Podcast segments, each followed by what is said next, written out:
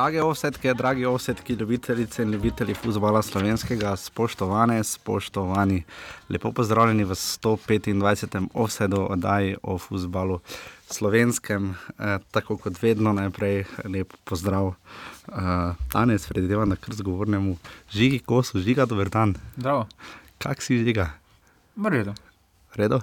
Ja, jaz sem v redu. Ti si v redu. No? Vprašanje, kak, kak, kak so drugi?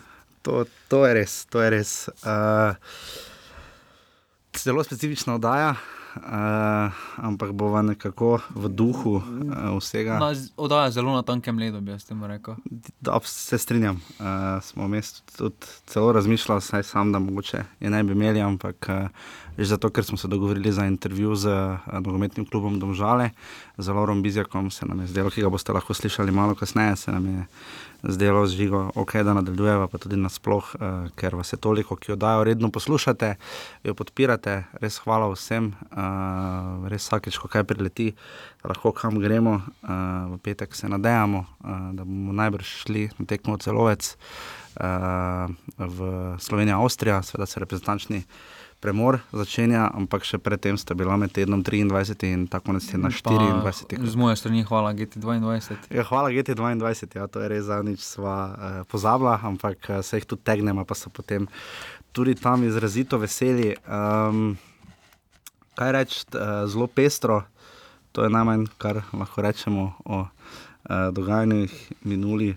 Konec tedna uh, je res ostalo prva dva kroga odigrana v celoti. Ne?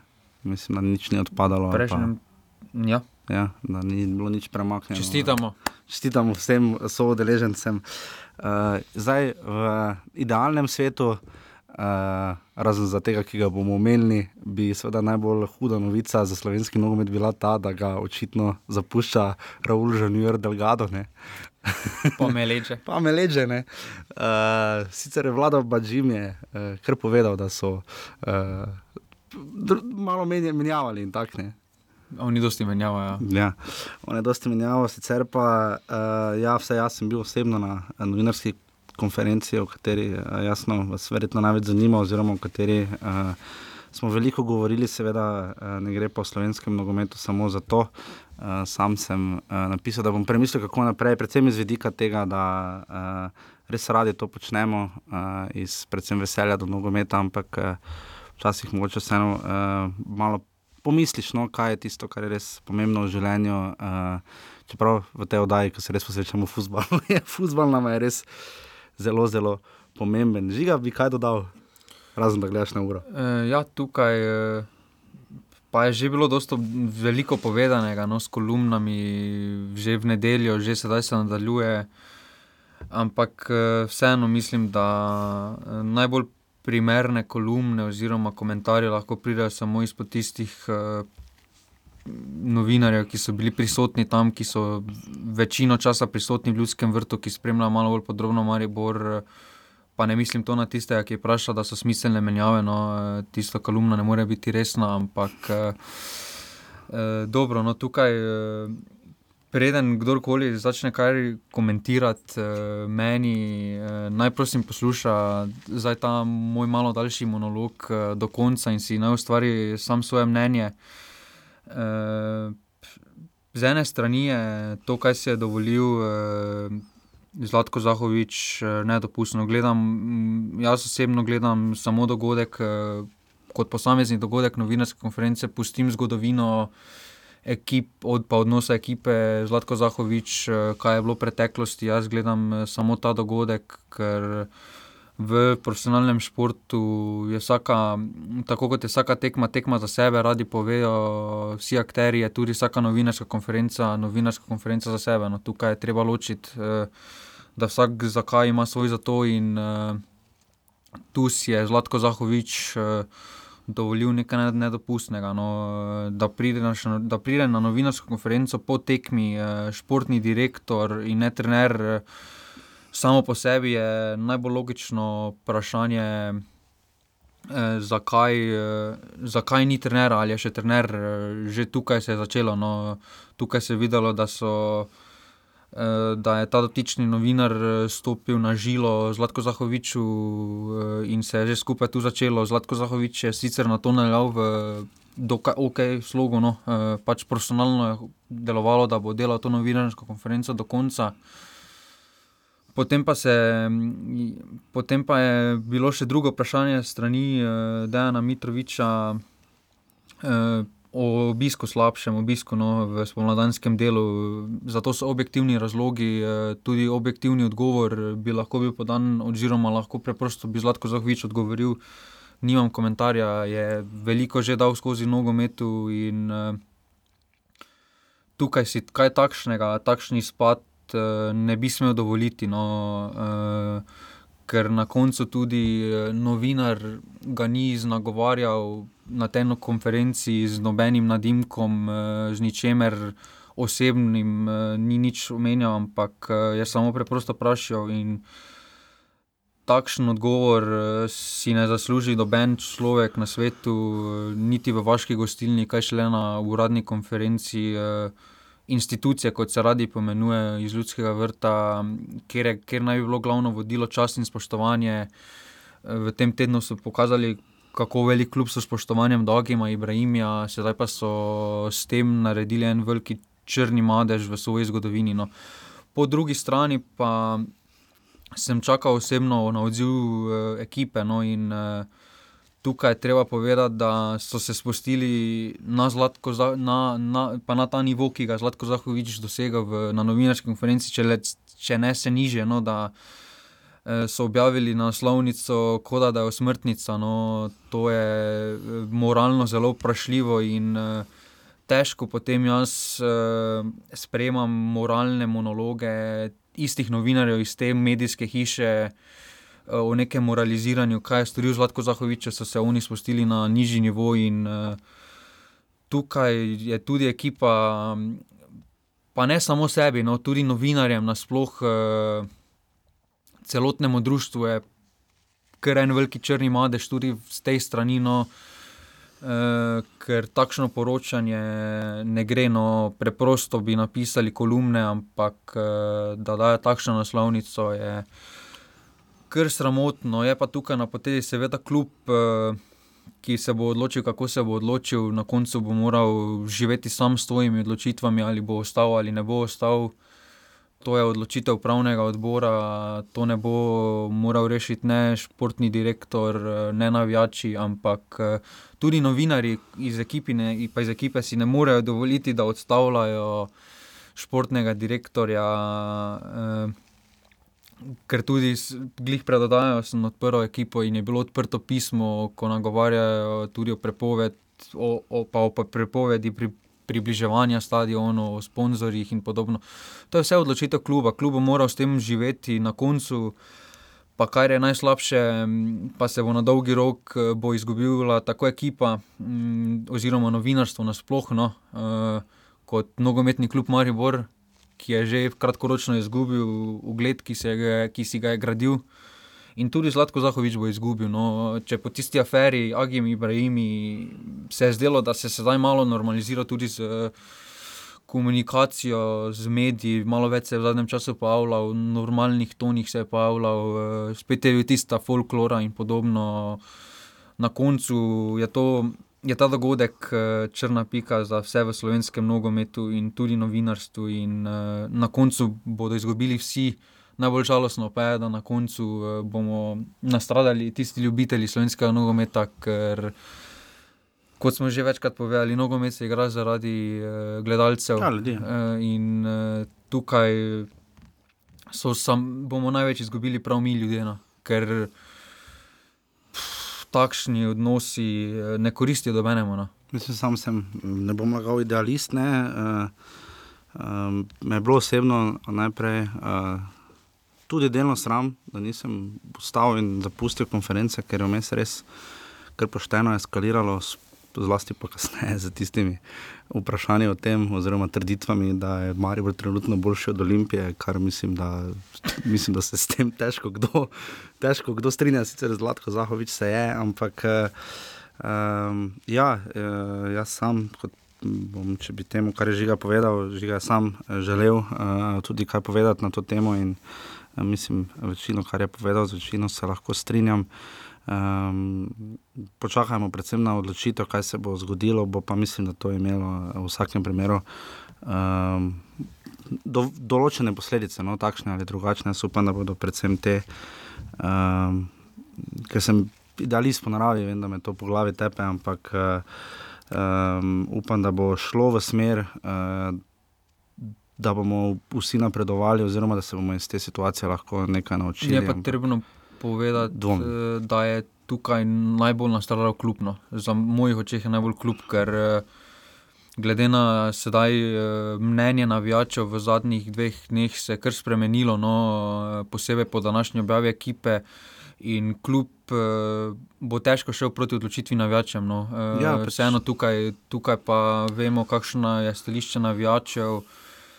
Vseeno, kakorkoli obrnemo. Mm, Vsak človek ima pluse in minuse. No, takšno dejanje je treba ostro obsoditi, eh, kaj si je dovolil Zlatko Zahovič, ampak ne, na koncu je prinesel slovenski nogomet toliko, ampak s takšnimi dejanji eh, tudi tista, tiste velike poteze hitro izgubijo svojo vrednost. No, in, eh, tukaj je res v klub. V, kar, za, kar nezavidljivi situaciji. No, ker, Jaz mislim, da kljub kolikor tam, ko se je v sporočilu za javnost opravičil uh, za nekatere stvari, uh, za nastop in tudi ostalim medijem, ne samo uh, novinarskemu kolegu Dejanu Mitroviču. Ki je bil v preteklosti tudi naš gost, ironično, z Markom Kovačevičem iz večera, sta bila planirana ravno za to, da bi govorila o ocenjevanju igralcev, kako jih ocenjujemo številčno. Upam, da bomo to lahko kdaj kasneje v prihodnosti vseeno izpeljali, ampak se mi um, v tem oziru pač zdi, da bi lahko, um, vem, da bi lahko se stvari drugače zapeljale in izpeljale, in se uh, fokusiralo na kaj drugega, ker komunikacija kluba, čeprav nam je veliko krat zelo dostopen in nam je bil tudi ob uspehih. Se, to težko skrijemo, ampak uh, vidimo pa tudi, kako klub nekat, ali pa nekateri deležniki kluba reagirajo, ko ne gre. Ne. Vidimo, da Darko Mina nič izjav za televizijo. Včasih ne da, ko rezultat ni njegov. Zadnji tekmi ni dal. No. Um, jaz mislim, da to so stvari, ki, uh, ki začnejo potem rahlo eskalirati. Uh, Mene pa pri vsej zadevi malo bega, da včasih poslušamo novinarji ali pa beremo in tako naprej, če vprašate tega pa tega igralca ali pa trenerja, če bo odstopil, zakaj ta igra, zakaj tisti ne igra. Po drugi strani, takrat včasih so provokativna vprašanja, kot jih ocenjujejo nekateri, uh, zaželena, včasih pa ne. ne. Zdaj... Tukaj gre predvsem, da so zaželena takrat, ko ne gre za tvoj klub, oziroma ko ni v kruizi. No, takrat vsi javnost hoče, da novinari sprašujejo. Ampak če Zlatko Zahovič želi povedati, da Maribor ni v krizi, Maribor je na lesico pogledaš, pogledaš na število tekem domačih, štiri tekme, dve točki, tri, šest gol razlika.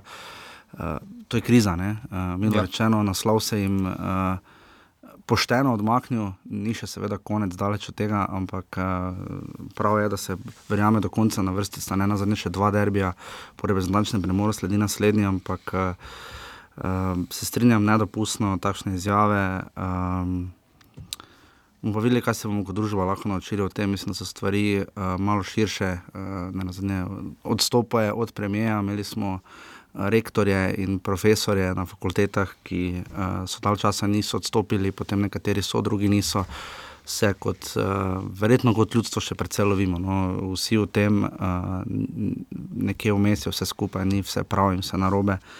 Ja, jaz samo upam, da se bomo lahko iz tega nekaj naučili. No. Jaz sam sem se iz tega, da včasih mogoče malo boljše za malenko samo počaka, da, da, da, da reagirajo nekatere stvari in postavljajo vprašanja.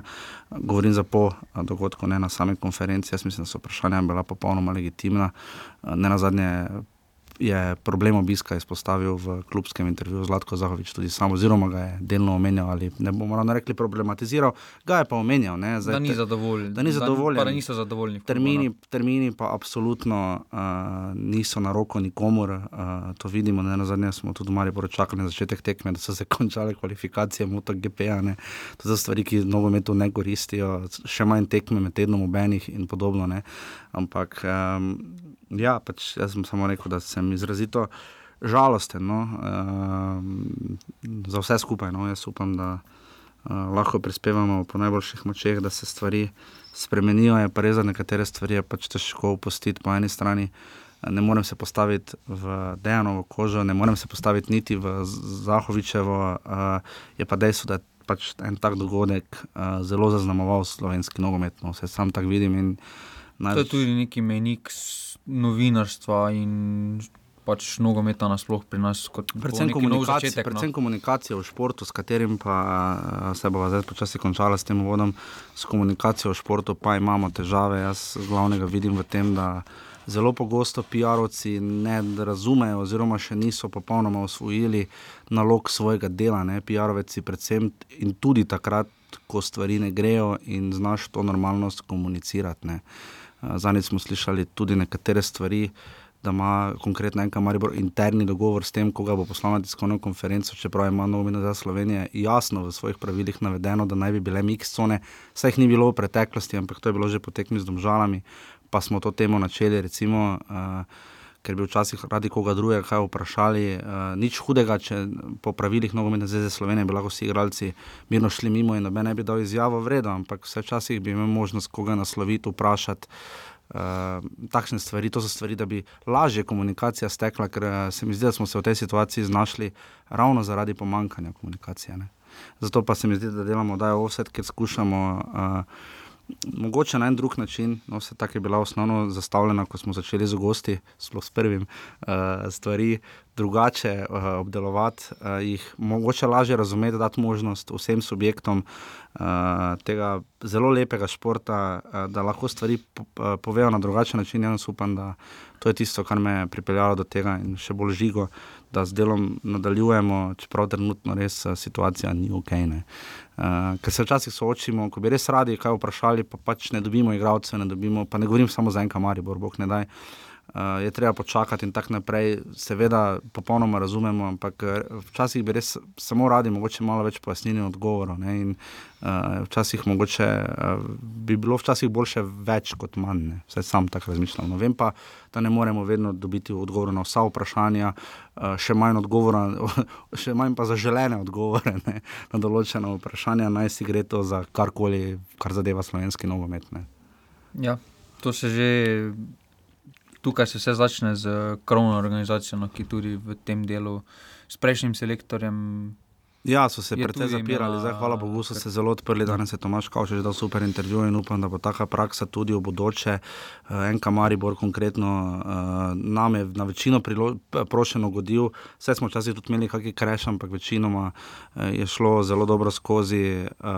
Smo se z nekaterimi klubi morda kdaj malo bolj lovili, ampak načeloma vsi slejko prej sodelujejo, vse v naši oddaji, pa tudi sami imam z novinarske prakse kar dobre izkušnje, uh, pač transparentnost je vse, kar si želiš. Veš, da ne moreš vedno biti tam zraven v slačilnici, v upravnem odboru, uh, v komunikaciji preko SMS-ov in podobno. Ampak uh, samo to, da, da pač je transparentno, da ni potem več, ko imaš odgovor, lažje sliko si potem ustvariš. Ne? Ja, točno to na koncu tudi klub brez medijev, kakorkoli obrnemo, tudi če se piše slabo, klubu ne more preživeti. No. Važno je, da se piše, eh, sploh v nogometu in samo tako bo lahko slovenski nogomet napredoval. No. Absolutno. Uh, tako to je bil uh, najdaljši intro, zato tistega prvega nismo imeli. Vse tisto, kar ste lahko prebrali, slišali ste verjetno že na YouTubeh in vse posod druge, uh, ker bo danes tako ali tako predolga oddaja kot vedno. Um, to je nekako ne toliko najnostalgičnejše kot izkušnja. No. Um, mene osebno se pravim, še enkrat je. Um, pa nisem samo osebno ne, v tem sploh udeležen, ampak eh, kar uh, prizadela. No. Uh, ne bom tega uh, tajil ali skrival in res upam, da se um, bomo pobrali vsi skupaj iz te zgodbe in da je epilog, kakršen koli že bo. Uh, bo v dobrobit slovenskega, najprej mariborskega, predvsem pa slovenskega nogometa. Ne? Zato ustvarjamo to oddajo, vse sam zato hodim na tekme, ker imamo radi ta šport. Ne? Ja, točno tako. Ja.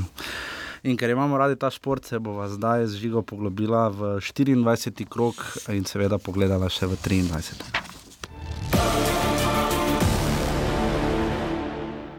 Prva tekma 24. kroga je bila odigrana v stadionu ob jezeru, na stadionu Savinsko-Saleški derbi, uh, za katerega so nam rekli, da ni več derbi. Ampak za nas bo, tokrat sploh, ker je šlo za obračun četrte in pete ekipe ne, na lesici. Ja. Um, Predvsej zanimiva tekma, Halajci postregli z. Uh, zakaj je dobro črniči rdečega? Ker je sodnika štokno, ker je Vinčiča štokno, ko je dobro rumenega ali dobro drugega rumenega. Po mojem, zaradi sodnika. ja, pa če ga res pomotimo, pač štokno. Ja, ampak.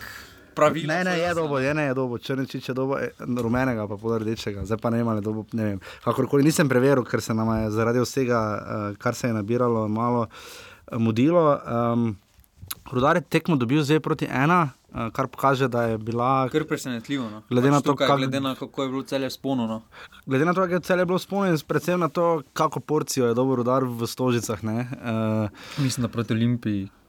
Dobi vsak porcijo. Ja, v Stožicah, neverjetna forma Olimpija, ima 11 zmag uh, in en remi, mislim, da je gol razlika v Stožicah 34 ali nekaj takega. Uh, to je res impozantna gol razlika, ki ki si jo vredna naslova državnega prvaka. No, to bi se sam to ja, izraz... Vsako leto je, sicer to do Olimpije še prijema, ampak vsako leto je.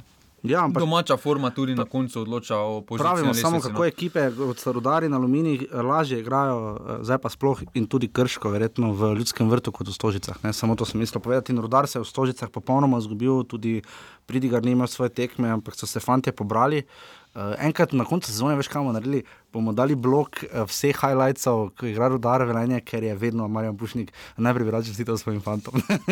Ampak saj ima, zakaj Rudar se je zelo boril. Uh, Milan Tučič je povedal z enim bolj bizarnim golom, uh, med nogami, odbitek in tako naprej. Uh, potem je Darijo Vizinger izenačil na 42 minut na 1-1 in potem, uh, da si ravno se žiga s tem ne strinja, uh, je Biol dal lepši gol kot Agim Ibrahimi in zabil za zmago z 2 proti 1. Videli smo pa zicer Požega Vancaša, uh, videli smo še kakšne zicer, res uh, dinamična tekma in zanimivo, da je Marjan Pušnik rekel tekmo, v kateri ne uživajo trenerji, ker gre samo gor pa ja, dol. Ja, tu se med, svojim, med seboj spopadla dva trenera, ki bazirata na napadalni igri in uh, že z tega vidika je bila pa tudi, seveda, z uh, vidika lestvice je bila ta tekma zelo zanimiva in uh, je, bil tem, je bila v tem krogu kar mini derbino.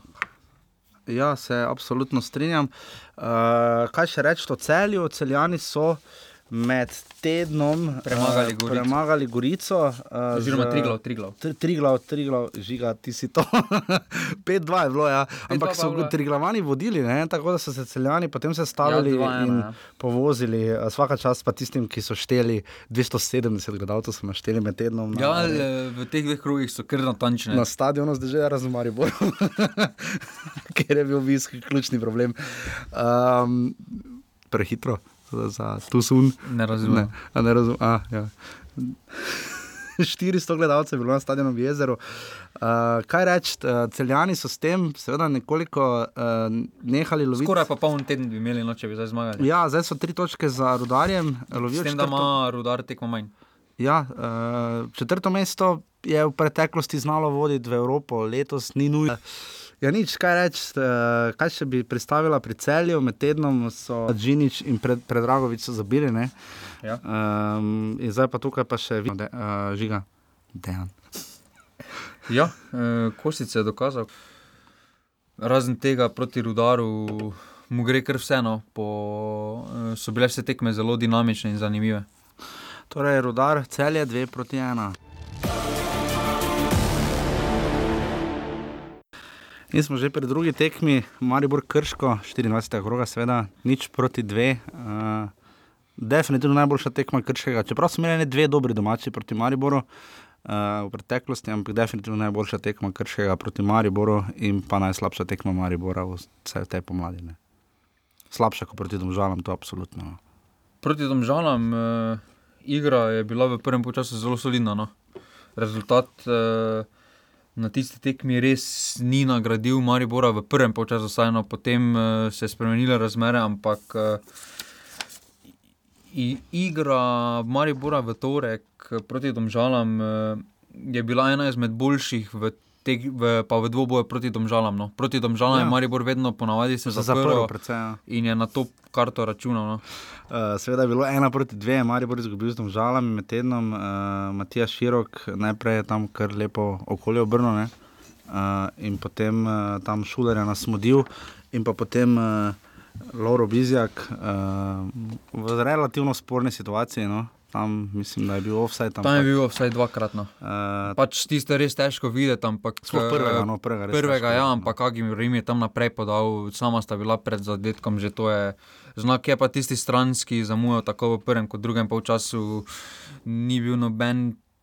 Noben, nobenem primeru ni bil na liniji, no in je imel tudi težave z, za koga je žoga, kaj šele z offsajdom. Eh, je pa tam uh, sicer na koncu ne vemo, če bi plivalo ali ne bi plivalo, to je sedaj samo če. Ja, mešanovička, še ampak ja. tam. Tam je Znidaršič res grdo zgrešil, ne? tam je bil čisti faul in drugi. Glede na to, da tam ni piskal prekrška, novi Mešanovič mogel dobiti rumeni karton, eh, glede na reakcijo vseh Mariborčanov na igrišču. Milec je mogel biti rdečega, Milec se žoga, ja, ja, ki žoga sploh ni zanimala, me smijalo ja. na reakcijo Chelsea proti, proti Barceloni, ja. ko so bili, ampak tam bi mogel biti vsaj rdeči karton, no vsaj enemu, če ne še več. Tu je Andrej Žnidaršič res grdo pogrnil, sploh zato, ker je dobrovoljc, neko je padel, pogledal sodnika, pa samo čakal, še gledal, kam mora iti. Ja, tam uh, vsi so, vsi so zavedali se, da je tisto isto bil, uh, ker je pa res, da Mešanoviču ne sodijo sodniki, no. uh, res težko mu piskajo. No. Kot kaže, se ne vrže dovolj lepo, kot kaže. Kaj, ker tudi že proti aluminiju je bila podobna situacija, pa mu tudi niso piskali. Sedaj, pa tudi proti krškem je bilo prvo dvoboje, ko je bil mogoče pod prekrškom, pa je padel, pa se sodnik ni odločil. Tako da za, na, pri Mešanoviču zelo težko piskajo. No. Ja, absolutno, očitno ne vem zakaj. Uh, skratka, če po, potegnemo Maribor, zanimivi so eksperimenti, ki jih je Darko Milanič. Zanimiv je eksperiment Viler v vezni vrsti. To je, res... to je bilo proti Krškemu, ampak že tudi proti Domžalam, definitivno na koncu je proti Domžalam znižal Darje Vršič na 2 proti 1 z res lepim golom. Ampak tudi to, recimo, začel je z Drviševičem. Proti Domžalam bi bilo super, recimo, če bi začel poleg Derviševiča vršično. Uh, ja. Ker vseeno Derviševič. Tudi Mešanovič je vnesel več. Ne? Ja, tudi Der, Derviševič. Kljub temu, da ni idealno, da ni najboljši igralec na planetu, še vedno ni najboljši igralec, pa najboljši posameznik v Mariboru, v zvezdni vrsti. Ampak glede na trenutno formo in glede na razpoložljive moči v centralni zvezdni vrsti, je med defenzivnimi igralci pa tudi defenziva pri njemu, da nagaja, ampak je najboljša. No. E, najboljši, ja. najboljši kandidat, krecu. Ima težave, vrhovca ni. Ja, proti, potem proti Krškemu, imel nič proti Krškemu. Zamenjal sistem. Ne? Proti Krškemu je dobro, ker so igrali zato, ker je ni rabo nič med z igro vezano, ker je vseeno igral potem v, po tisti menjavi, ko je Rajčevič odšel, je igral v obrambni vrsti in je vseeno pustil drugim igro, ni rabo nekaj z žogom. Ampak, no, uh, definitivno je, da je eksperiment, eh, druga tekma je bil taktični polomno.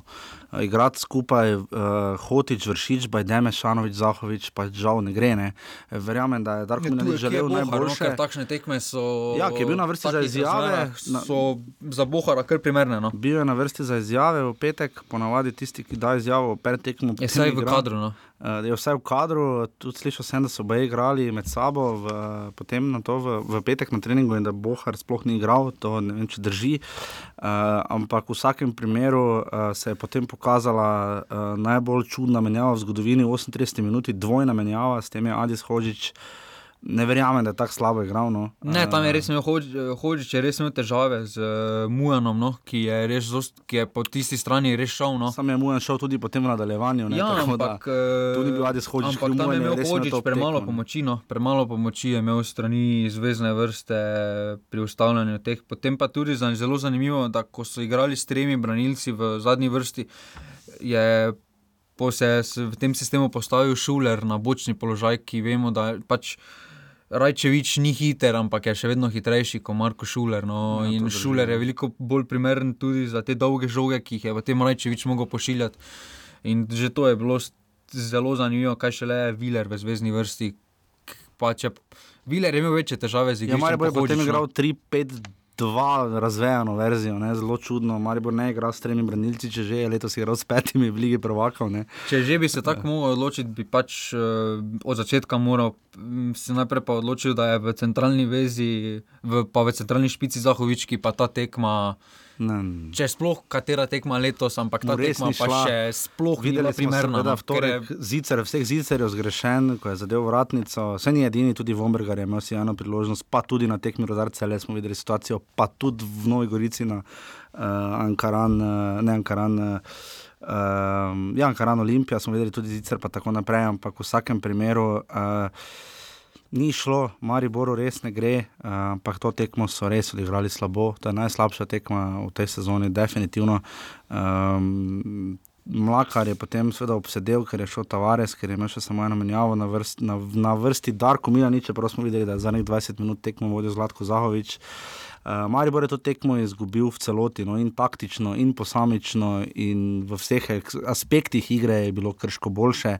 Videli smo Eurogol Luke Vodariča, meni je to en najlepši golo sezone, zato ker vem, kako težko je, čeprav uh, sem mnogo met igral, precej, precej nazaj, nikoli imel nekih resnih ambicij, tam nekih res ravno velik nogometaš. Vem pa, kako težko je vdariti, ko, eh, če pretečeš nekaj časa proti sredini in pokneš po žogi iz razdalje, ne, to je res težko zadeti. Uh, potem pa tudi Vekič se tam zelo, zelo znašel. Ob uh, Šulerju sicer skoraj da avtogol, ne. že tako na začetku Šulerja in Rajčevič sta se zelo, zelo lovila na tekmi. No. Ampak uh, tu je krško treba pohvaliti. No. To, Ja, kar so oni- zborbali so to tekmo. To, to, kar so pokazali, uh, res vsi sedmice po cenah. Izjemna tekma, no to, kar pa je Tonči Mujan pokazal, je bilo pa remek delo, no vse njegove kariere, odkar je tukaj, pa je že v preteklosti pokazal kar precej. Ampak uh, takšne dobre tekme ljudskem vrtu je na zadnje imel, po moje, Mohamed Salah. No, tak. ne govorim za isti nivo, ampak da mu je tako šlo, nekaj, da mu je vse šlo. No. Ja, Ker- res smo, re, ker res res vsem kar šlo, še eno- česarkoli, česarkoli so se lotili, krčani. Še je zalo, kar je šlo. Še, ja, vmes je tam sicer malo potreboval. Malo je Maribor imel težave, predvsem to, da so vse priložnosti, ki tisto Bajdetovo, ki jo je imel. Mm, Šuler je zdaj še prečkal, ampak Maribor je veliko skušal po tleh dati gol ne, v kazenskem prostoru, ampak je bilo toliko blata, res slabo vreme, da se ni dalo, žoga se je pred, predvsej ustavila. Tako da na koncu je Mariboru zmanjkalo več kot le časa, zmanjkalo mu je, zmanjkalo mu je vseeno, to je bila tekma, ki. Uh, jo je Maribor res pošteno izgubil, no, tu je krško bilo boljše in ne pomnimo, da bi. Uh, pustimo zdaj lanske tekme celje, pa aluminij, recimo, ki je Maribor že bil prvak, ne. ampak glede na to, da gre pa tu prekleto za res, pa takšne tekme ne pomnim, jaz se osebno, kdaj bi jo Maribor tako brutalno izgubil, če odštejem v ligi, če odštejem tekmo z Olimpijo, ne. ko je šel Ante Šimunžan. Ja, kriz je malo drugo ni. No. Ja, absolutno. Krško pa je med tednom, eh, ravno zato Krško se je dvignilo, v Velenju so prejšnji vikend grdo izgubili, kar visoko, ampak so imeli dobro igro, kot je povedal Alen Ščulac, potem so proti Krškemu imeli vodstvo 1-0, pa potem dobili uh, izenačujoč gol in izgubili pomembne točke, ampak se zdaj kar dobro držijo. No. Ankaran se na takih tekmah vedno nekaj zvuki. Ampak. Krško se dobro drži, ne? Krško pa se zdaj s to zmago dobro drži, drugače pa tudi vseeno ima kar slabo vodno. Ja. Torej, uh, pred 1500 gledalci Maribor Krško nič proti dve. Uh, prva tekma nedeljska, da si ravno na sneg ni zaobjel, tako da ne bi, morali, ne bi mogli uh, živeti, vsaj ne na Koroškem, čeprav je kar pošteno služilo. Je bila seveda v um, Novi Gorici, v športnem parku, uh, pred 30 gledalci. To, To so vsi kolegi Alfreda Ermaniša na zatekli zaprtega tipa, seveda, ker je Ankaran tekom predstavljen. Ankaran Olimpija nič proti tri žiga, nekaj želiš povedati. Ja, pač, da naj ne zamerijo vsi navijači Olimpije, ampak pač o Olimpiji nimamo nič kaj zapovedati. Ker vse je štima.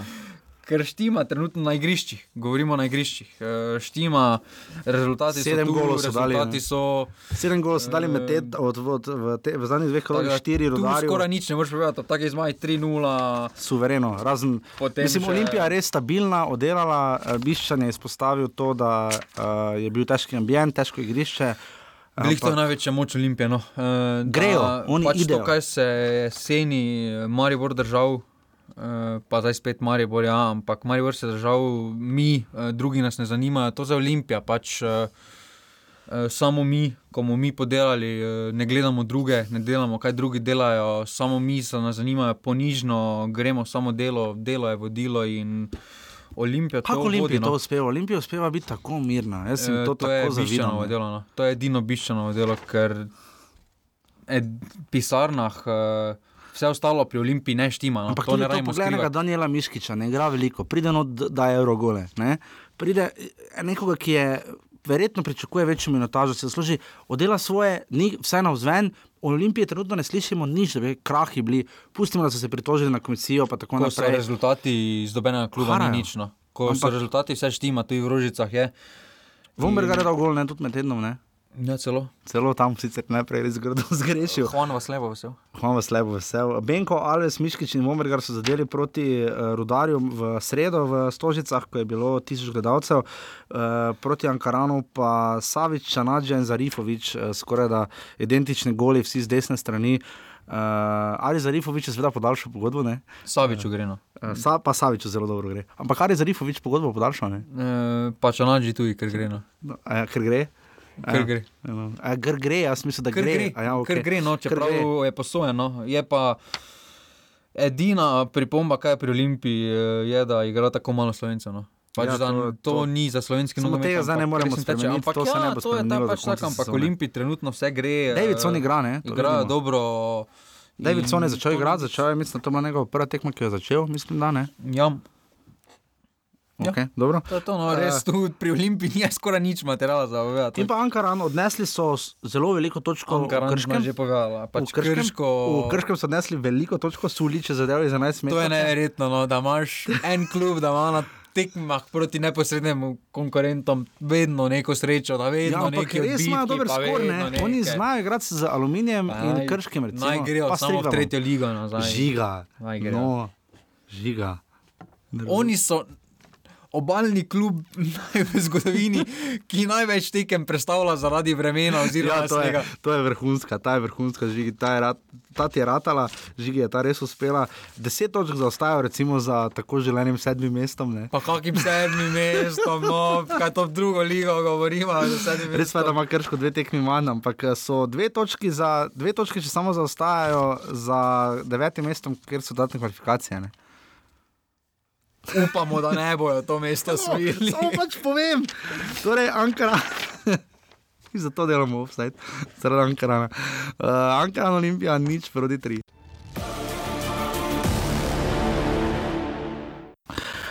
Druga nedeljska tekma je bila v Kranju, uh, Trilo Gorica, ena proti ena. Uh, Goričani so med tednom uh, zmagali proti Aluminiju. Ne, z Ja, Triglav pa je ena izgubil proti nič. Celju. Triglav je pa izgubil kar visoko proti celju, ampak se Triglavani kar pošteno borijo. Uh, najprej je Triglav zadev uh, res lep gol, zelo so se borili uh, v kazenskem prostoru. zadela. Rok Elzner je zabil. Uh, potem pa naš eh, nedavni gost Elvis Džafič uh, ni imel ravno največ spretnosti pri strelu žigona.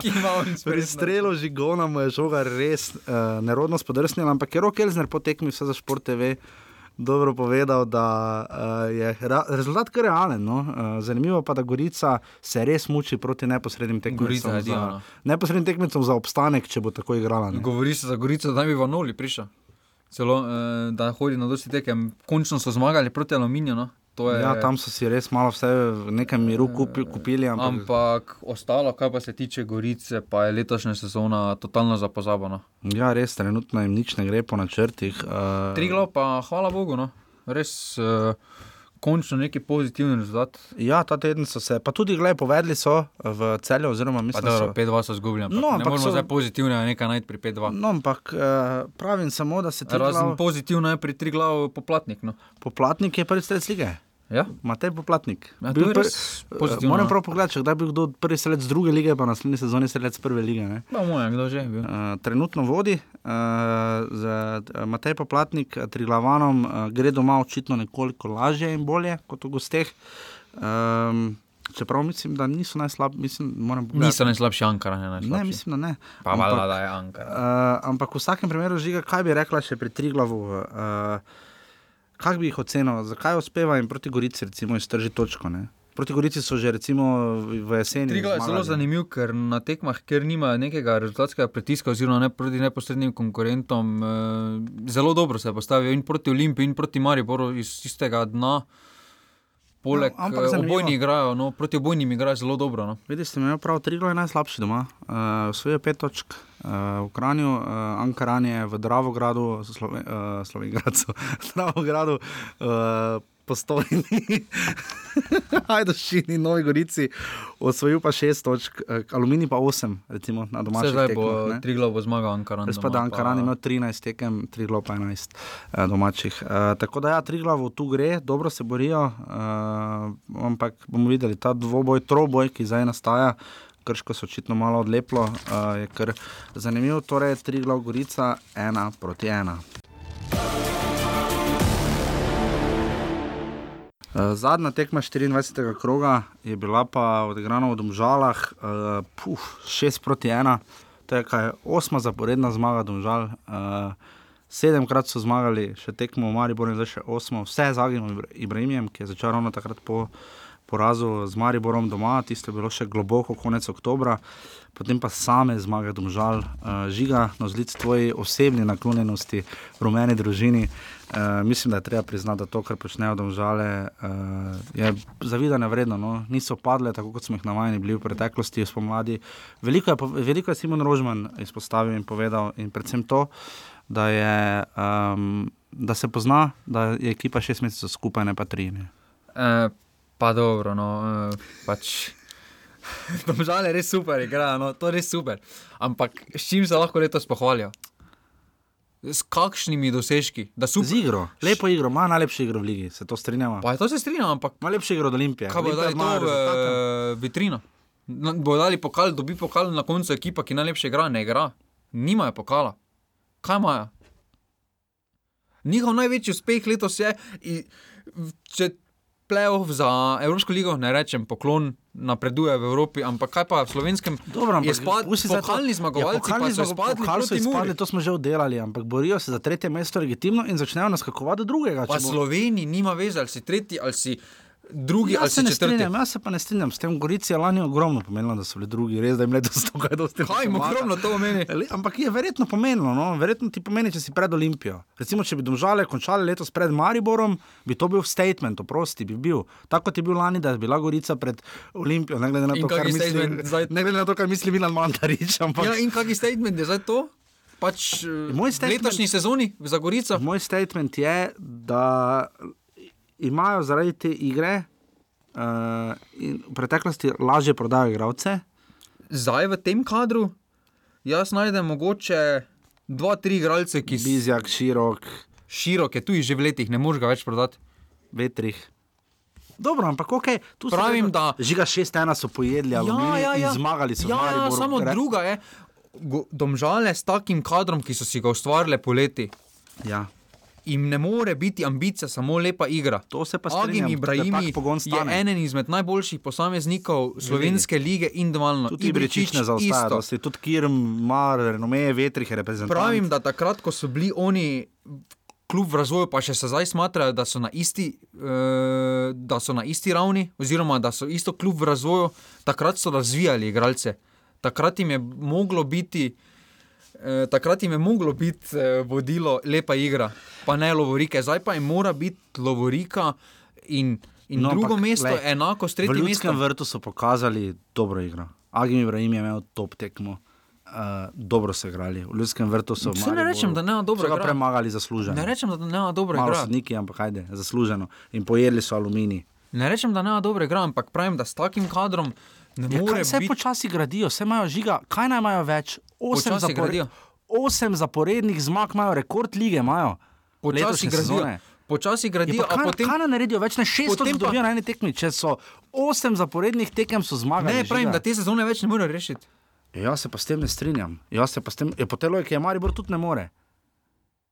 Ti primerjaš ekipo, ki je igrala, Ne, ne, klub, ki je igral v Ligi prvakov v sezoni in Govorim po številu točk. Zmagali so osem tekem zaporedoma in mislim, da je to v slovenski ligi zavidanje vreden dosežek, sploh glede na krizo, ki so jo imeli po evropski sezoni in so se iz nje znali pobrati. Poglej, kje je Gorica. Ja, jaz samo pravim, da rezultatsko oni ne morejo te sezone označiti kot uspešne. Ne glede na to, če bodo zdaj videli. vse tekme zmagali do Bomo konca. videli, Če če ne bo- bojo lovorike, ne moreš. Prvi ne označiti- bojo. Ja, no.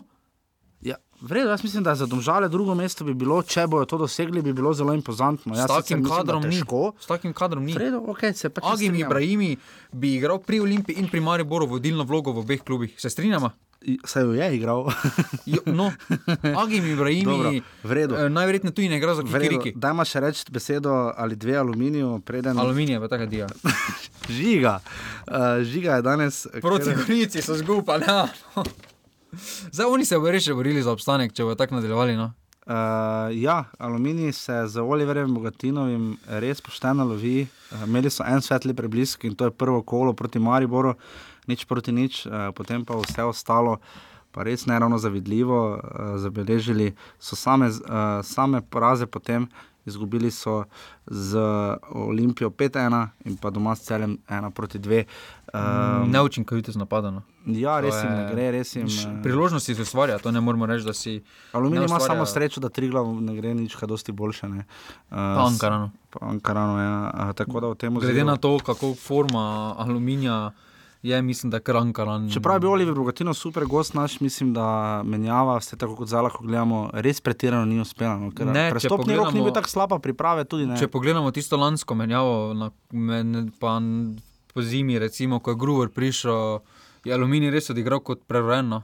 Ja, Zdaj pa tega ni, moramo pa se zavedati, da njih čaka peklenski april z ja, pokalom. In, to, to triglo tudi. Glede na to, da se triglo ima več, še za ostale tekme, aluminij pa sploh ima tudi. Ja, krško, ampak ne? Eh, tukaj. April eh, bo ključen za vse te klube, no? ker vsi imajo kar nabasan april. Domžale Aluminij 6 proti 1, 300 gledalcev je bilo na trenutno najboljši zelenici v Sloveniji. Pagin je vrnil najlepši gol. Pagin je vrnil res lep gol. Eh, Bizjak, Ibričič, Bizjak, Vetrih, Hebaj. Eh, Rok Idrič znižal in Ibrahim je, so bili strelci, strelci, strelci. Zdaj se bo pa razgovoril um, in razbrcal napadalec, ki je res ima uh, kar pošteno kariero, pošteno garanje, mislim, da zasluži na naš gost, tako da brcal bo napadalec domžal, Lauro Bizjak. Yeah.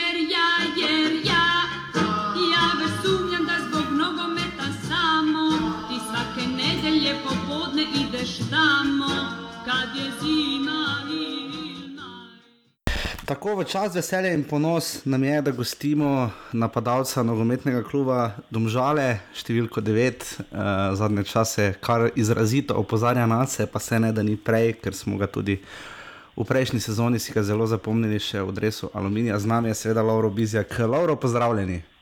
Pozdravljen. Uh, Lauro, dobro vam gre po lesici na vzgor na lesici streljcev. Čemu bi to pripisali? Uh, ja, mislim, da je bil zdaj ta začetek drugega dela uh, kar zelo pozitiven. Uh, in mislim, da bi predpisal predvsem uh, moštveni igri in uh, trdemu delu na treningu. Ja, zdaj serija, ki jo imate, je zdaj že res impozantna. Mislim, da kaj osem tekem uh, zaporedne zmage. Uh, na zadnje je Maribor vas je na zadnje premagal, vi ste mu kar pošteno vrnili v minulem tednu, torej v Ljudskem vrtu. Uh, Uh, kako sami doživljate, odkar ste v Domžalah, uh, kako sami doživljate ta niz? Uh, neverjetno, res, kaj vam uspeva. Simon Rožman, vaš trener je podaril, da se predvsem pozna, da ste fanti dal časa skupaj. Bi pripisali samo temu ali še čemu temu res neverjetnemu nizu? Ne? Jaz bi pripisal, mislim, da trvemo delo vseh igralcev na treningih. Uh, res eni dobri, uh, dobri klimi v, in na igrišču in v slčilnici ker mislim, da se z fanti zelo dobro razumemo. Uh -huh. uh, in, pa, in pa sodelovanje z celom vodstvom in, uh, in tudi uh, super trenerjem. No. Kaj ste najprej ugotovili, ko ste prišli v Domžale? Zdaj prišli ste v trenutku, ko je Domžalam res zelo dobro šlo. Uh, Evropa, Freiburg, Marseille, hitro ste dobili priložnost, uh, na to pa tudi nekoliko rezultatski padec, po katerem ste se pobrali. Uh, kak, verjetno kar turbulentno, glede na to, odkot ste prišli. Ne? Ja, prišel sem direkt na Evropo uh -huh. uh, in že takoj na začetku dobil priložnost za igranje. Mislim, da je bil to kar en velik korak iz prve lige direkt v Evropo, v kvalifikacije. Uh, ampak mislim, da smo se kar dobro znašli. No. Mislim, ekipa mi je zelo veliko pomagala, tudi trener sam, uh, da mi je, mi je tako zaupal, da sem, uh, da, mi, da sem dobil toliko minut na igrišču. Uh, in smo začeli eno lepo zgodbo v Evropi, ampak nažalost se je to poznalo v prvem delu sezone, glede na število točk. Uh, in zdaj, zdaj, pa, zdaj pa smo se odločili, da posvetimo uh, našo igro in vse v drugem delu, in, uh, in da gremo iz tekme v tekmo. Uh -huh. in da pravimo narediti čim lepšo zgodbo do konca. Zdaj, glede na evidentno krizo Maribora, počasi lahko lovite tudi drugo mesto. Mi v Vodaji smo že malo razmišljali jeseni, da se boste krepko borili za tretjo, ampak zdaj pa resno naskakujete tudi drugo mesto. Ne? Do kam lahko posežejo, da žale? Ma, mislim, da država lahko poseže zelo visoko. Pač mhm. škoda za prvi del sezone, ampak mi gremo res iz tekme v tekmo, mi ne gledamo že zdaj, kaj bo na koncu, kaj bo dve tekme naprej, ampak gledamo samo in izključno naslednjo tekmo. Mm -hmm. In mhm. se samo za naslednjo tekmo pripravljamo. Mm -hmm. Lauro, uh, malo svojo pot opišite, malo specifična je. Moj uh, sovoditelj Žiga je napisal, da malo spominjate na Novakoviča, ker ste šli uh, za pol leta recimo k Vildonu, uh, pa potem ste bili tudi v Aluminiju, pa druga liga, pa potem prva liga in potem domžale. Kako bi opisali to svojo pot, oziroma kaj bi, uh, kaj bi svetovali recimo tistim mlajšim poslušalcem, ki to poslušajo, uh, ali ki bi se radi kaj naučili iz vaše zgodbe? Kako prodreti, kako ustrajati, ste, kako, gri, kako preiti naprej, ne, vedno te korake naprej. Kako vam je to uspelo? Ja, začel sem v Šmartnem v drugi ligi, uh mhm. -huh. v članski konkurenci. Uh, in tam, tam sem se prebil, pač, bil sem mlajši, sem se prebil v, do prve ekipe in tam uh, sem imel dobre pol sezone, ampak pol se ni išlo tako, kot bi se moglo, in sem uh, šel v Avstrijo za pol leta. Uh mhm. -huh. pač, in tam sem videl, da mogoč, mogoče je boljše igrati v drugi slovenski ligi in se tam dokazovati, kot pa iti nekam v tujino, v neko ližjo, v nižjo ligo. Uh mhm. -huh. In zato sem se tudi eh, odločil, da se vrnem v Alumini, uh mhm. -huh. pač, ker, smo, ker smo ciljali skozi na prvo ligo. Uh -huh. Bili smo dvakrat blizu po kvalifikacijah in potem nam je uspelo. Uh -huh. Potem pa je prišla prva liga in spet samo dokazovanje, no? trdo delo in dokazovanje. Ja, tam ste se res. Predvsem, da ne upaš. Tam ste se res poklopili z Kramerjem in Vrbancem. Žiga je napisal tukaj, da ste spominjali malo na hokejski trio, tičar Sabolič Jeglič, eh, da ste bili zelo pod Slobodanom Grubarjem, Grubarjem, zelo kompaktni, zelo ste se tam našli. Kaj vam je recimo dal aluminij iz te prizme? Ne? Aluminij mi je dal, mislim, da kar dost. No. Uh -huh. Dali so mi priložnost, da sem bil vem, en ključnih igralcev tam. Uh, in mislim, da sem to tudi uh, dobro pokazal na igrišču. No. Uh mhm. -huh. Kaj pa potem, ko recimo prijete v ekipo in se eh, pod narekovaji žogate z Agimom Ibrahimom, Senadom Ibričičem, uh, potem ne vem, za Madejem Vetrihom, Matija Širok, ne, reprezentanti, igravci, ki so nekaj v karieri dosegli. Kako je ta občutek, koliko vam dajo na svetu? Kaj, veliko krat rečete, rečejo mlajši, lahko se veliko naučimo. Kaj konkretno to recimo v vašem primeru pomeni? Ja, mislim, to je, to je zelo velika čast igrati s takimi igralci, kot so, kot so tu v državah, res. Uh mhm. -huh. ker, ker mi pomaga in na igrišču, in ob igrišču. Uh mhm. -huh. Na vsakem treningu, na vsaki tekmi, ki pomagajo z postavitvijo, z vsem, kar oni mislim, da bolj vejo kot mi mlajši. Uh -huh. uh, in to je, res, to je res čast igrati s takimi igralci. Zdaj, specifična je vaša nekoliko pozicija, tudi iz prizme reprezentance, ne na zadnje, ker vedno kar na prste, koma ene roke preštejemo. Recimo, konkretne napadalce, uh, tudi v Domžalah, recimo v preteklosti Slobodan Vuk, uh, zdaj ste se vi profilirali. Nekako je malo vlada občutek, recimo tudi po odhodu Andraža Šporarja, pa recimo kako hitro odhajajo najboljši streljci lige v tujino, da nam primanjkuje napadalcev. Kako, kako vi to razumete, kako vidite konkurenco ne, na zadnjem napadu ali pa recimo svoje igralce zdajšnje ali nekdanje? Kakšni napadalci ste slovenski nogometaši? Jaz mislim, da Slovenija, Slovenija ima zelo veliko kakovostnih napadalcev. Uh mhm. -huh. Vsi reprezentanti igrajo v tujini in mislim, da so vsi leto začeli eno super sezono. Mislim, vsi zabijajo kot po tekočem traku. Uh, in mislim da, mislim, da v Sloveniji se razvijajo dobri igralci v napadu. No? Uh mhm. -huh. mislim, jih je, jih je mogoče malo manj, ampak mislim, da tisto, kar pa je, je pa zelo kakovostno. Kako bi opisali, vem, da je to malo nehvaležno vprašanje za igralca, ampak kako bi opisali Simona Rožmana? Vemo, sam je tudi povedal, da je izrazito individualno dela, tudi Dajsu so nekateri igralci to povedali, da se individualno posveča, vam kaže posnetke. Kako bi ga opisali, kaj se lahko največ naučite od njega? Ima res prepoznaven stil nogometa? Ne? Ja, mislim, da Simon je en super trener, res. ker se z vsakim igralcem posebej pogovori.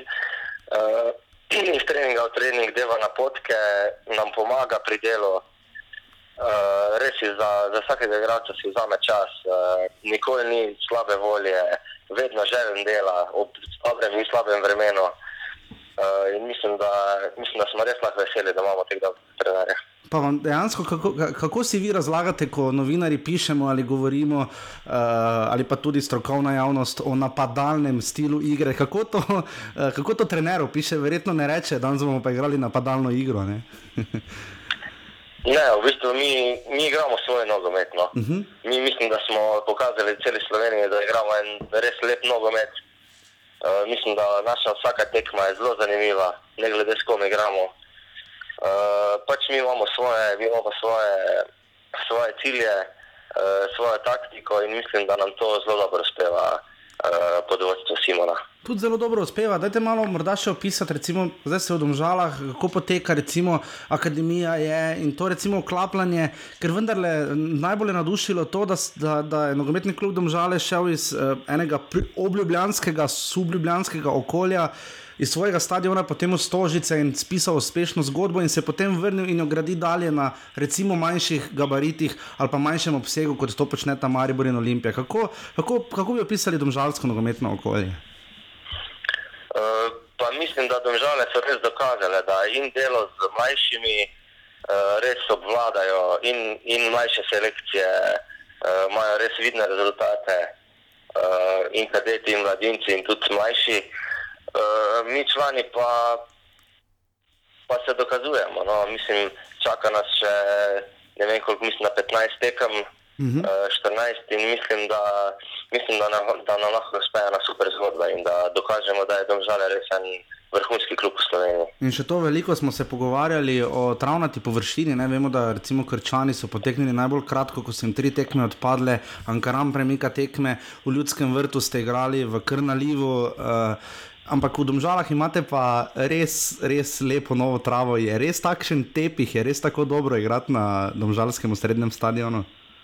Ja, v domžalah je res super igrišče. Pač vsaka čast uh, vzdrževalcem, ki se trudijo pred vsakim treningom tekmo, da uredijo igrišče. In mislim, da, mislim, da je trenutno v domžalah res super, super igrati. Ni niti blata, niti, niti vode na igrišču, ampak se da igrati vrhunski nogomet. In mislim, da mislim, da je super, super igrišče tukaj. Ja, pa še to, kaj pa preskok, recimo iz umetne trave, na kateri se, se je veliko treniralo, uh, pa se verjetno tudi med tednom včasih. Ne?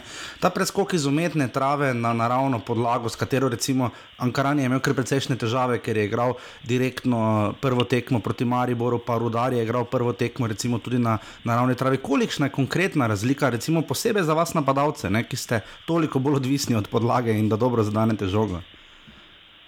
Uh, ja, mislim, da je res kar, kar velika razlika med dometom in uh, naravnim igriščem. Pač pozna se in pri, pri žogi, odbijanje žoge, udarcu, pri, pri teku, pri vsem se zelo pozna.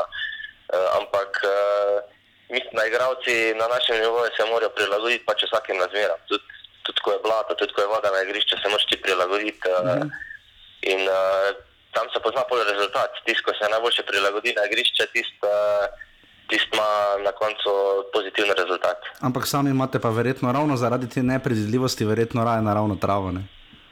Ja, ja, mislim, da vsi igravci imamo rajši naravno travo, tudi zaradi našega mislim, zdravja, nog, vsega, mm -hmm. ker je malo lažje igrati na naravni travi. Mm -hmm. Absolutno. Laura, najlepša hvala, da ste bili naš gost. Uh, obilo predvsem zdravja in seveda tudi športnih uspehov v nadaljevanju tekoče sezone. Ne? Hvala tudi vam. Hvala, adijo. Hvala, srečno, čau. Jer ja, jer ja, ja već sumnjam da zbog nogometa samo ti svake nedelje popodne ideš tamo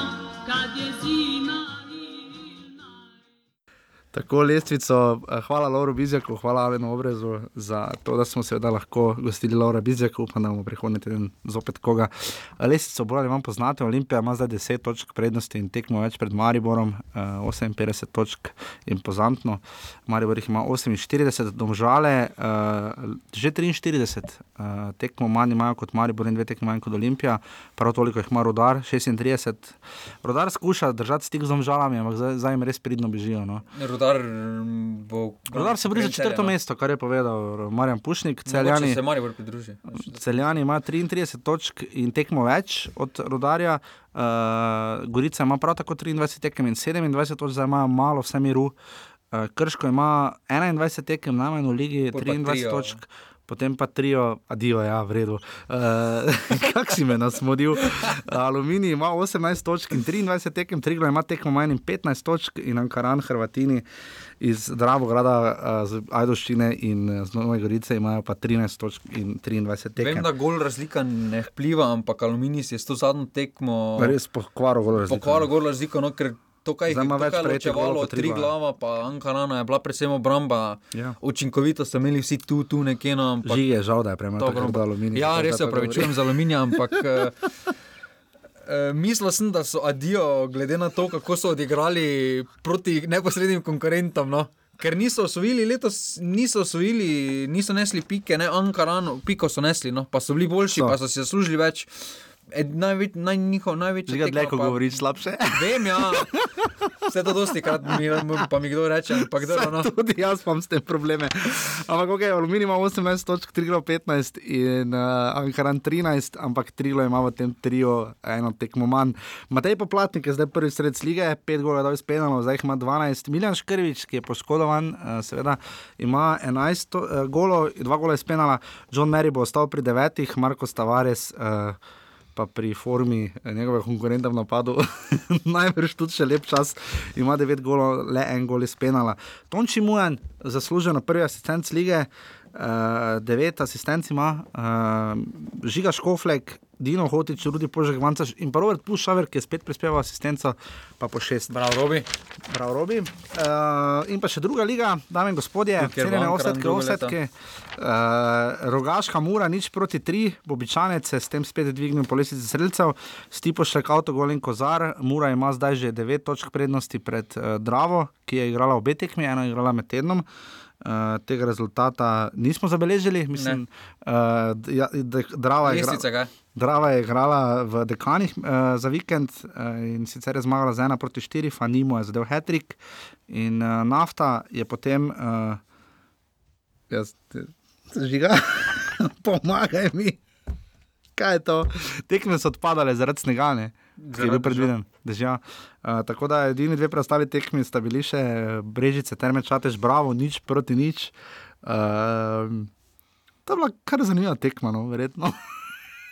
Sredina lesvice. ja, če ne veš, Nič proti nič, zelo zanimivo. tekma. Ilirija.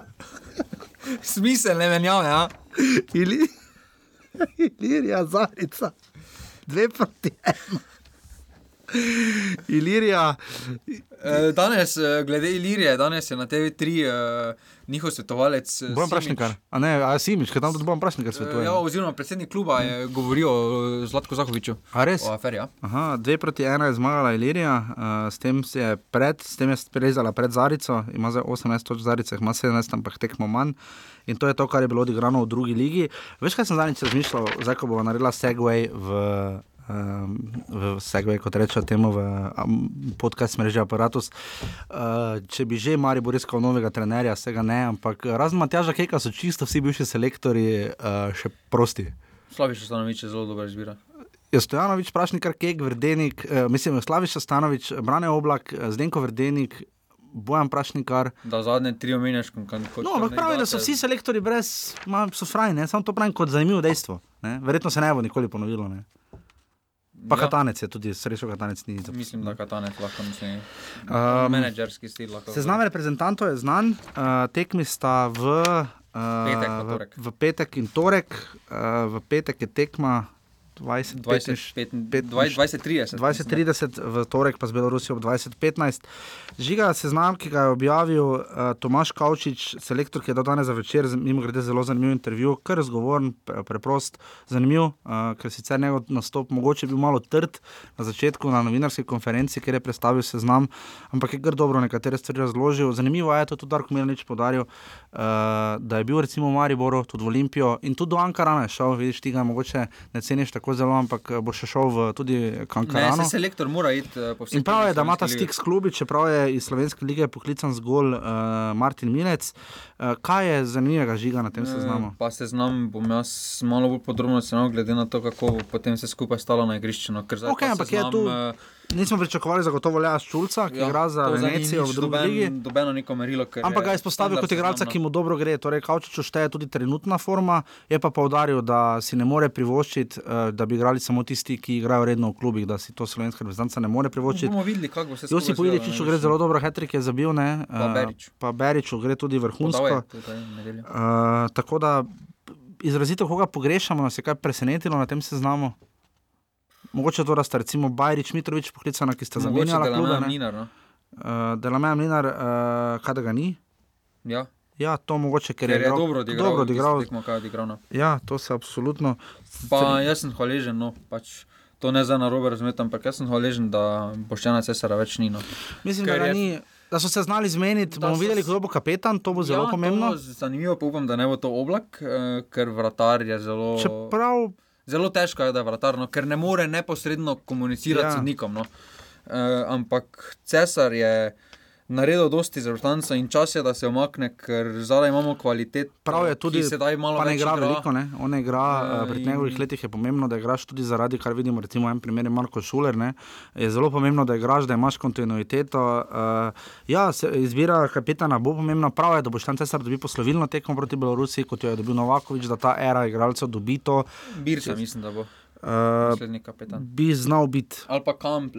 Čeprav Kampel, glede na vse preteklosti, bomo videli, no, ne Pa bomo Kampl špekulirali. Se s tem selektorjem zelo dobro razume, selektor To pa pravi, da on zbira kapetana, no, da bo slačilnico To seznanil. pa je res. Vprašal za mnenje, pa tudi Kampl je neki vodja na terenu, no ne vem, kakšne slačilnici, ampak Edino, kjer smo trenutno tanki, verjetno je levi bočni položaj, ne, ker je Bojan Jokič spet upoklican, torej nič za pokojitvijo, prav je, da je upoklican, uh, igra, kolikor vem, v Rusiji. trenutno je on naš Uh, še vedno najboljši bočni. Ja, branilec. res je, da je malo že v letih, ampak tu smo morda še najbolj tanki. Nimamo ampak take izbire kot Brazilija. To pa je res. Uh, tako da to je to. Uh, kar se tiče reprezentance, uh, naslednji offside bo v ponedeljek, čeprav je potem v torek tekma z Belorusijo, bomo probali nekako držati ta ritem. Uh, kaj sva vam še dolžna za konec, uh, žiga offside, ne? Uh, si kaj posebnega zabeležil. Uh, celjani so jih sedem uh, na zadnji tekmi proti uh, Rudarju. Uh, celjani ima 67 offsetov, Rudar jih ima 62, Maribor 57. Olimpija 52, Ankaran 50, Domžale 48, Gorica 40, Triglav 46, 36, Aluminij 33 Koliko ima domžale? in pa Krško 20, Domžale imajo 48 offsetov. 49 bi jih mogli imeti. Ja, to je res, to je res. Hak si ti. Provociraš. Uh, tako da to je to. Uh, začeli smo na malo bolj veselem tonu. Uh, upam, da bomo tega veselja imeli čim več. To delamo predvsem zato, ker imamo radi ta šport, kot sva rekla na začetku. In upava, da ste prišli do konca, spet smo bili dolgi, predolgi. Uh, res je dosti, ko sta dva kroga, je res malo teže uh, to izpeljati, ampak upam, da bomo preteklosti to tudi tako naprej počela, za vse smo na urbani, na offsetaf na urbani pikasi ali pa žigi ali meni, za kakršne koli predloge, kritike, želje, z veseljem odgovarjala.